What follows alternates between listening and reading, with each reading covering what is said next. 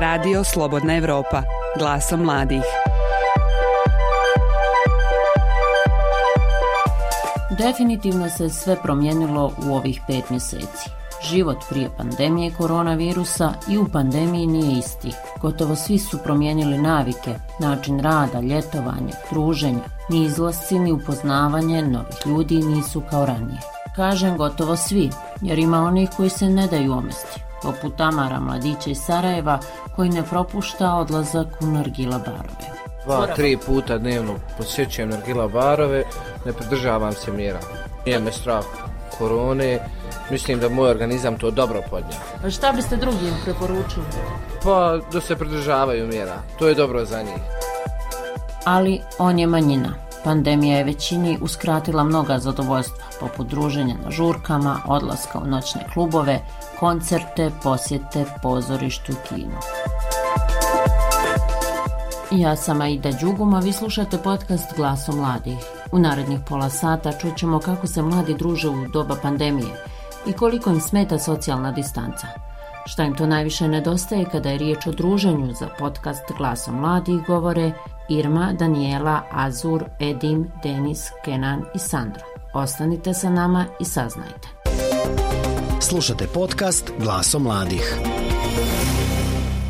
23-godišnji Tuzlak Edim Turčinović, fotograf i nesuđeni medicinski tehničar, prebolio je koronavirus. Simptomi su bili blagi, ali kada je saznao da je pozitivan, najviše ga je brinulo kako će to uticati na njegov posao. Obzirom da se najviše bavim wedding fotografijom, veliki broj vjenčanja sam morao prevati drugim kolegama, naravno pobrinuti se za to da mladnice ostanu bez, a, bez fotografa, tako da mi je to, hajmo reći, najteže palo a, jer, su, jer su simptomi bili poprilično blagi. A, sada a, ja sam uradio jednu stvar koji, koju ne da se hvalim, ali objavio sam javno da sam pozitivan na koronavirus, baš iz razloga što dolazim u kontakt sa puno ljudi u toku svog posla. I iskreno nisam ni pomislio da će imati, da će doći do takve neke pozitivne reakcije, da posle jel, mog izlaska potpunog iz izolacije, nije bilo neke odbojnosti, nego je ljudi jednostavno više zanimalo kako je to sve prošlo, kako je to sve izgledalo, jer nikada nisu upoznali osobu koja je zapravo bila pozitivna. Pa možda su poznavali nekog, ali, ali ta osoba nije to smjela javno reći, ljudi to obično kriju. Mislim da se dosta njih boji da će na neki način društvo odbaciti posle toga. Mislim, imali smo par prilika da vidimo kako se to dešavalo nekim osobama sa onim prvim slučajevima koje smo imali u Tuzli.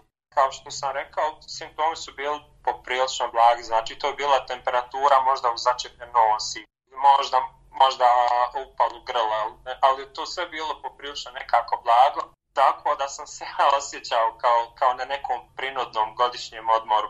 Već je problem nekako bila ta sama izolacija, zato što nisam se smio puno kretati, prvenstveno zbog svojih ukućana, bio sam uglavnom u svojoj sobi, ono, to je bilo po cijeli dan provođenje uz, uz televizor ili ne znam, serije, filmove. Bilo je baš ono nekako rutinski svaki dan i to, to na neki način zna da utiče na psihu, ali a, znao sam da, da to jednostavno moram raditi, da je to neophodno, da je tako najbolje za, za, i za moje ukućane i za okolinu.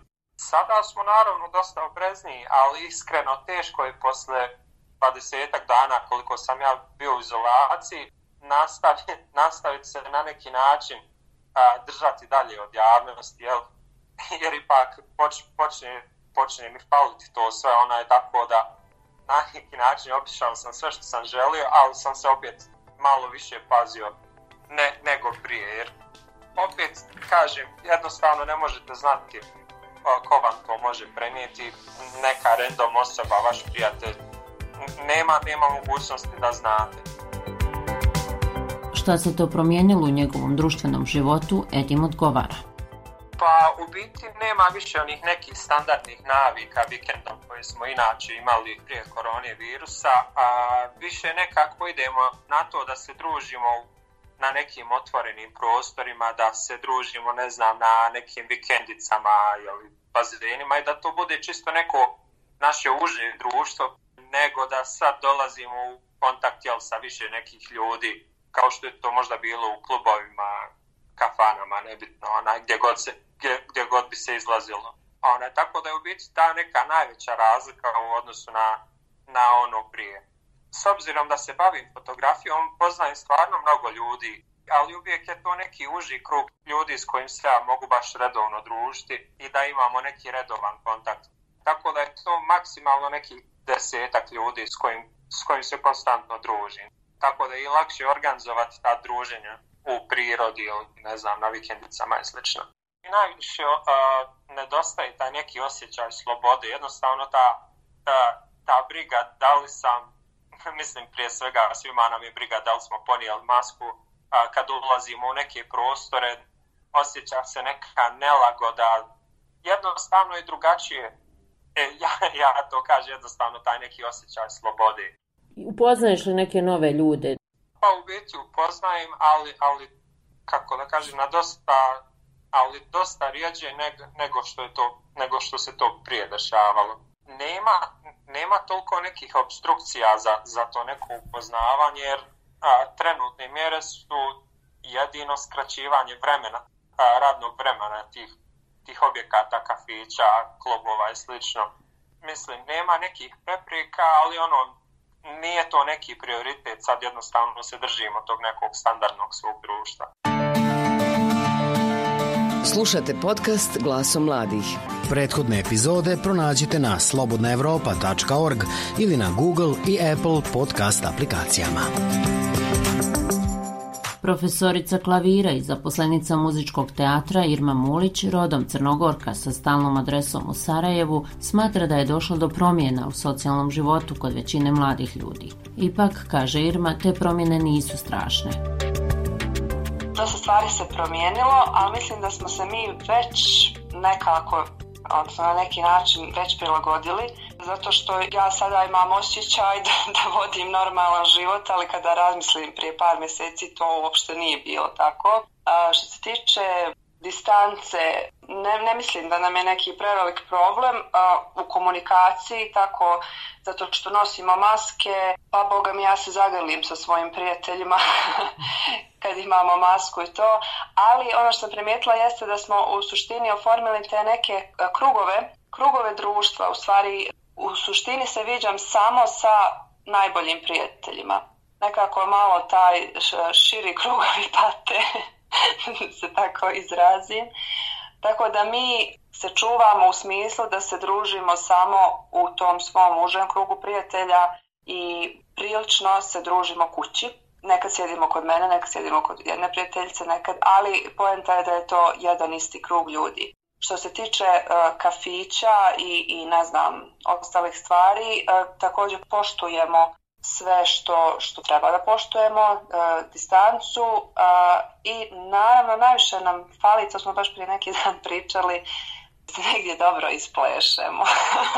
što se tiče oko generalno recimo kafića i sve to, tu nam ništa ne fali. Svakako smo na isti način izlazili tamo i ne nosimo maske i to imamo svoj sto, odvojeni smo od drugog stola, e, ako se treba sa neki pozdraviti, isto pozdravljamo se laktom, jel? Sve poštujemo, znači u suštini nam samo hvali ono neka diskoteka gdje smo, ono da kažem, ludovali uz taj neki ples. U suštini ne mislim da je, da je neka prestrašna situacija što se tiče te socijalne distance, ali e, promjena svakako jest. Taj moment zabave koje donosi ples je ono što nedostaje ovoj mladoj pijanistkinji, ali ne samo to. Nema u suštini slobode, evo iskreno ja sam slobodna djevojka, bih možda htjela nekoga upoznati. to, I onda vi imate i bojazan čak i da se upoznate sa nekim. Mogu ja sjediti sada, ne znam, u kafiću i biti sa prijateljicama i za drugim stolom biti, o, evo, da bude ne, neki momak, ali ja sada ne znam da li se ja uopšte trebam upoznavati sa novim ljudima. Da, da, pa nosi rizik, jel trebate test tražiti? Jeste, sad, sad ono, počet ćemo da, da svi imamo urađen test, da se ovaj, preko testa upoznajemo. Evo, kao. Prvo PCR test pokazati, pa onda možemo razgovarati. Yes. Tako da, eto, to je u suštini, recimo, meni je, koja sam, da kažem, prilično odgovorna, to jeste recimo hendikep u upoznavanju novih ljudi, tako? Što je, mislim, većini ljudi bitno. Mislim da su jako, jako socijalno, da kažem, aktivne društvene mreže, što nije dobro, ali je nekako, čini mi se, to jedino što sada imamo. Definitivno, evo ja, ja znam i po sebi, mnogo, mnogo ovaj, ljudi se javlja i piše, mislim da ljudi ovaj imaju potrebu, naravno kao socijalna bića da se, da se upoznaju i da se druže, tako da e, jako, jako puno ljudi se javlja da se upozna, da, ovaj, da se barem razgovara preko mreža, a kad već ne može da kažem uživo. Druga naša sagovornica je Daniela, vaspitačica iz Banja Luke. Ona kaže da joj fizička distanca smeta onda kada nekoga od prijatelja poželi da zagrli i poljubi. Ovoga ljeta napominje nedostaju joj pozorište i kino, ali i festivali. Družim se i dalje, viđam ljude sa kojima sam bliska, ostajem u kontaktu. Ono kad je bila vrijeme izolacije, onda smo se uglavnom čuli telefonski, tako da što se tih nekih socijalnih kontakata ovaj, tiče. S kim želim da budem bliska, ostala sam bliska, tako da nije mi nešto sad, ne predstavlja mi sad nešto posebno ta korona. Socijalna i fizička distanca, pa smeta u nekom smislu ovaj, nekada kad želite nekog da zagrlite, da, da se rukujete s nekim, opet imate tu neku dozu nesigurnosti ovaj, i straha zbog sve te situacije koja se nameće. Što se tiče izlazaka klubova i tih nekih zatvorenih prostora, iskreno to mi nešto ne nedostaje. Žao mi je što nema dešavanja kao što su pozorišta i kina i e, to je nešto što mi fali. I također neki dobri festivali, ovaj, druženja na otvorenom. To je isto jedna od stvari koja mi fali. Slušate glasom mladih. Na samom početku pandemije, nakon što su mjere bile uvedene, Kenan iz Sarajeva, ekonomista i planinar, prestao je da izlazi i da se viđa sa većinom društva. Jedino mjesto gdje su se družili bila je planina. Znači, dok su bile one mjere preko dana bio onaj otišli na planinu, ono uglavnom vikendom, jel?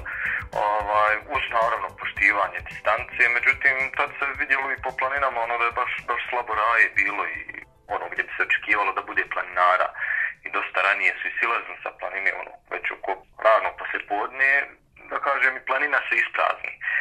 Međutim, ono, kako su mjere popuštene, eto, onda smo i malo češće i, da kažem, malo više nas bilo na planini, ono, nije više samo dvoje, troje, nego, ono, bude četiri, pet, međutim, i dalje se, jel, pošto je distanca ta neka, opet, sigurnije gore u planini, ali, onaj, vidi se definitivno, ovaj, i da ljudi manje poštuju distancu u domovima, da su to baš i ne prati toliko, da se ne pazi toliko, Onaj, a kad se počelo jel, izlaziti u gradu, kad su ove mjere sve ovaj, skroz ukinute, onda smo mi počeli izlaziti, hajde da kažem, relativno normalno.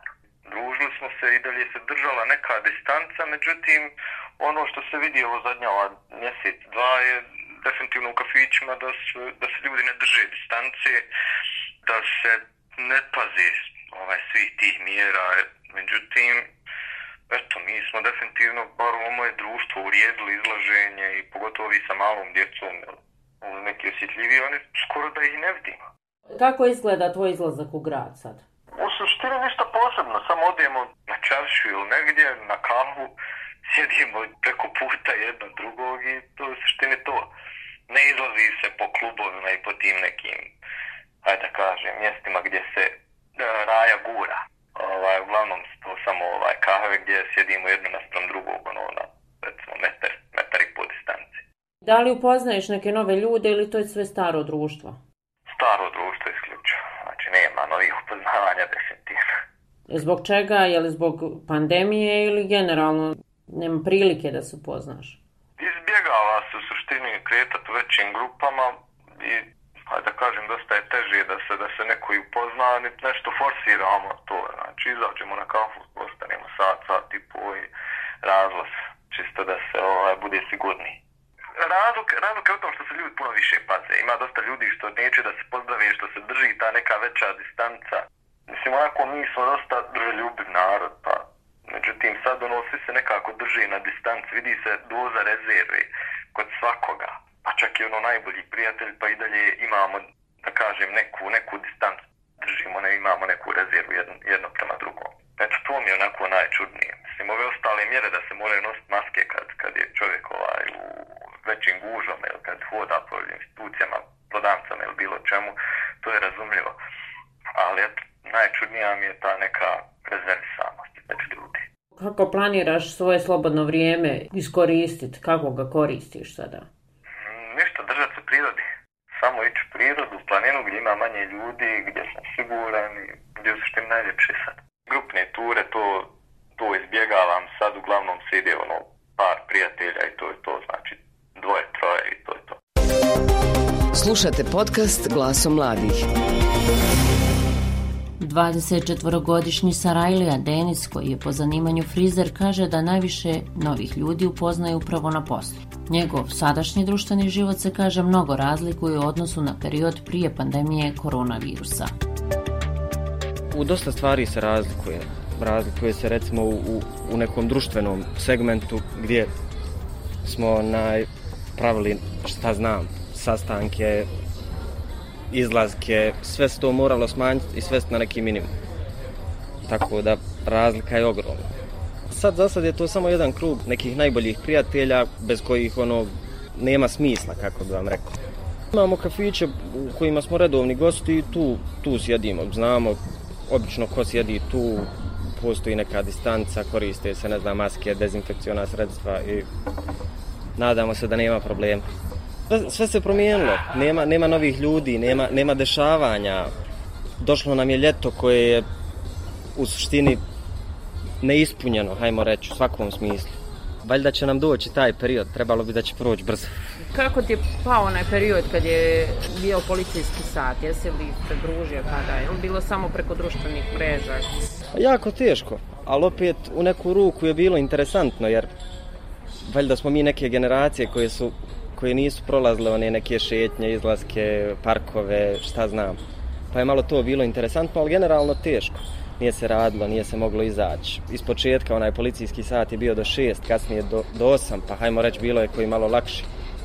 Ali generalno su to bile neke kućne varijante i najbliži krug ljudi, tako da jedino kroz posao, obzirom da se bavim frizerskim poslom, dešava se da dolaze novi ljudi u salon i to je jedina prilika gdje se može upoznat neko novi. Sve ostalo ne, jer nemamo, nemamo izlaske, nema, nema šta znam tih nekih večernjih dešavanja, kafići su nam zatvoreni rano, te neke stvari.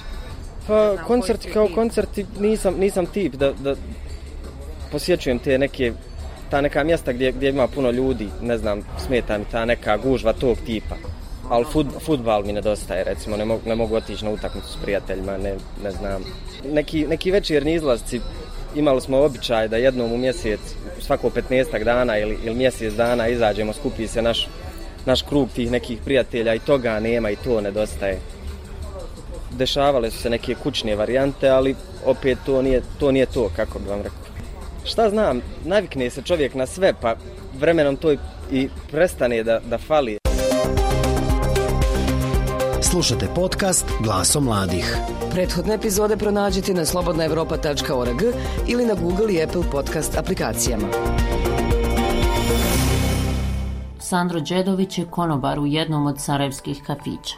Prema onome što kaže Sandro, najviše mu nedostaje noćni život u gradu. Rade kafić do 12 sati. Zapravo sad rade do 11. Znači, totalno se promijenilo jer prije smo izlazili svi u 11, 12 sati, tako da sad nemamo gdje ni izaći. Radimo do 11, to je to, takav je zakon. Ova socijalna distanca, ono, smeta, ne možeš prići ni djevojci, ne možeš ništa. Smije se prići. E sad, će li to naprepad kad priđeš ili neće, ili se boji ili se ne boji, to je do njih. Primjer, ja se ne bojim da priđem to sve. Ono. Totalno se promijenilo sve vjerujete da slabo izlazim sad, jer o, radi, radimo i mi do 11 sati, ja sam ono, će uvijek kao druga smjena i, i kad se izađe to se stigne na piće dva i onda je grad pust, isto puste, nema nigdje nikoga. Uvijek izlazim s istim društvom, jer stvarno ima puno ljudi koji se boje ove situacije i, i virusa. Neće da se viđaju, ono, ako se vidimo, svi ćemo maske, ono, mada se ima ljudi koji se pridržavaju, koji se ne pridržavaju. Eto, ova moja rasa malo manje pridržava, ali drugi ljudi se pridržavaju baš. Ima, ima distancu. Nema grljenja ljubi, Nema, nošenja. nema, pa nema ko prije, nema.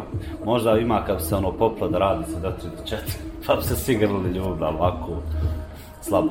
Koja je alternativa sad ovim kafićima? Pa ništa, sjednemo u parki ili sjednemo kod nekoga iz predkuće, tako se i druži. Da, ali ljudi, obično kajem, ljudi se boje da odaju u kafić i predkuću. Zato se slabije i družimo.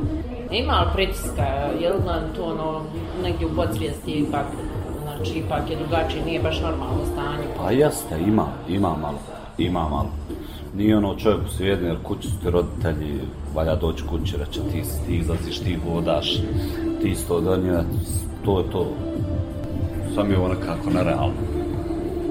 Nerealno, nekako sve, ali ne znam dok se ne doživi.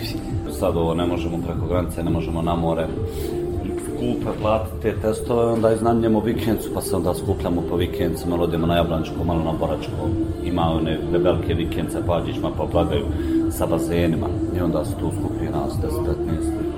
Petak, subota, nedlja, onda upadne kopije svi moramo na poslu. Jer šta sad i godišnje da uzmemo, gdje ćemo, šta ćemo? Jedino po Bosni hoditi. Policijski sat i nemogućnost druženja su mu, kaže, mnogo teško pali. Preteško, preteško. Isto, isto zatvoreno. No, ne znam, isto, ne znam. Kad te neko zatvori, još ja najmanje više mogu pod vodom nego, nego kuće. Ali eto, opet smo i tad na jednu vikend, spred noć kod jednog prijatelja, drugog kod drugog.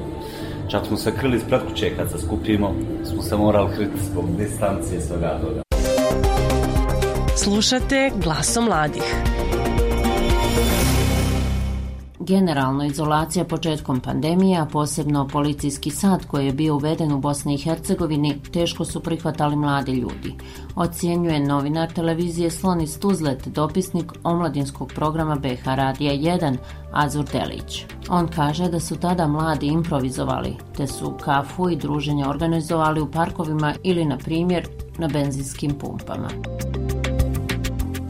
Tiče mog socijalnog života, mogu reći da je pandemija koronavirusa i tekako utjecala na njega, no ja sam svakako održao kontakt a, sa svim ljudima sa kojima sam bio dobar i prije a, pandemije koronavirusa. A, mladima, je, ma, mladima je zaista najteže palo to što nema izlazaka, što nema koncerata, kao i zbog jeli, nemogućnosti putovanja a, van granica a, Bosne i Hercegovine. Godina meni lično je počela na najljepši mogući način. A, nekoliko dana sam proveo na Vlašiću, zatim putovanje, jedno, jedno sam organizovao a, u Njemačku, u Austriju, dakle nekako godina je krenula na jedan a, prelijep način, a onda je došla epidemija koronavirusa i to sve, a, sve a, zaista, a, zaista zaustavila, socijalna distanca, a, što se tiče socijalne distance, mislim a, da gledano kulturološki da to da je to našem društvu teško palo. Mislim da nije dobra socijalna distanca, odnosno ne treba se odvajati od društva, ali fizička distanca i tekako sprečava širenje koronavirusa, stoga je ona važna i važno je se a, pridržavati. Moram reći, ponavljam, dakle, kulturološki nama je ona teško pala, jer mi smo, evo, slobodno kazano nekako a, pitomi ljudi, mi volimo taj, taj, taj bliski kontakt, bratski zagrljaj i tako dalje, ali evo, a, moramo se pridržavati jeli, fizičke distance ili bi bar to trebali, a, trebali raditi, ali nekako vjerujem da je recimo skandinavskim društvima mnogo lakše se bilo a, prilagoditi a, na tu fizičku distancu, dok to nama malo ipak teže a, teže nam to pada, ali nadam se da ćemo naučiti jednu, jednu, izvući jednu vrijednu poruku, a to je da moja sloboda po, završava tamo gdje počinje tuđa sloboda. To je onako, ja se iskreno nadam da će to biti poruka a, koju ćemo izvući nakon epidemije koronavirusa, odnosno nakon što se epidemiološka situacija popravi, jer sa virusom, kažu evo stručnjaci, a, valja, valja živjeti. Dakle, a, što se tiče druženja, a, žurke i sve to, premješteno je u kuće, u stanove, mladi se i dalje druže, a, A, nije to, mislim, mislim da nije, da nije, da, da, u tom nekom socijalnom aspektu da mladi nisu izgubili nego da su, nego da su dobili, jer krizne situacije, meni se bar tako čini, približavaju ljude, osvještavaju ljude o, o, o važnosti međuljudske interakcije, jer mi smo bili primorani da budemo zatvoreni.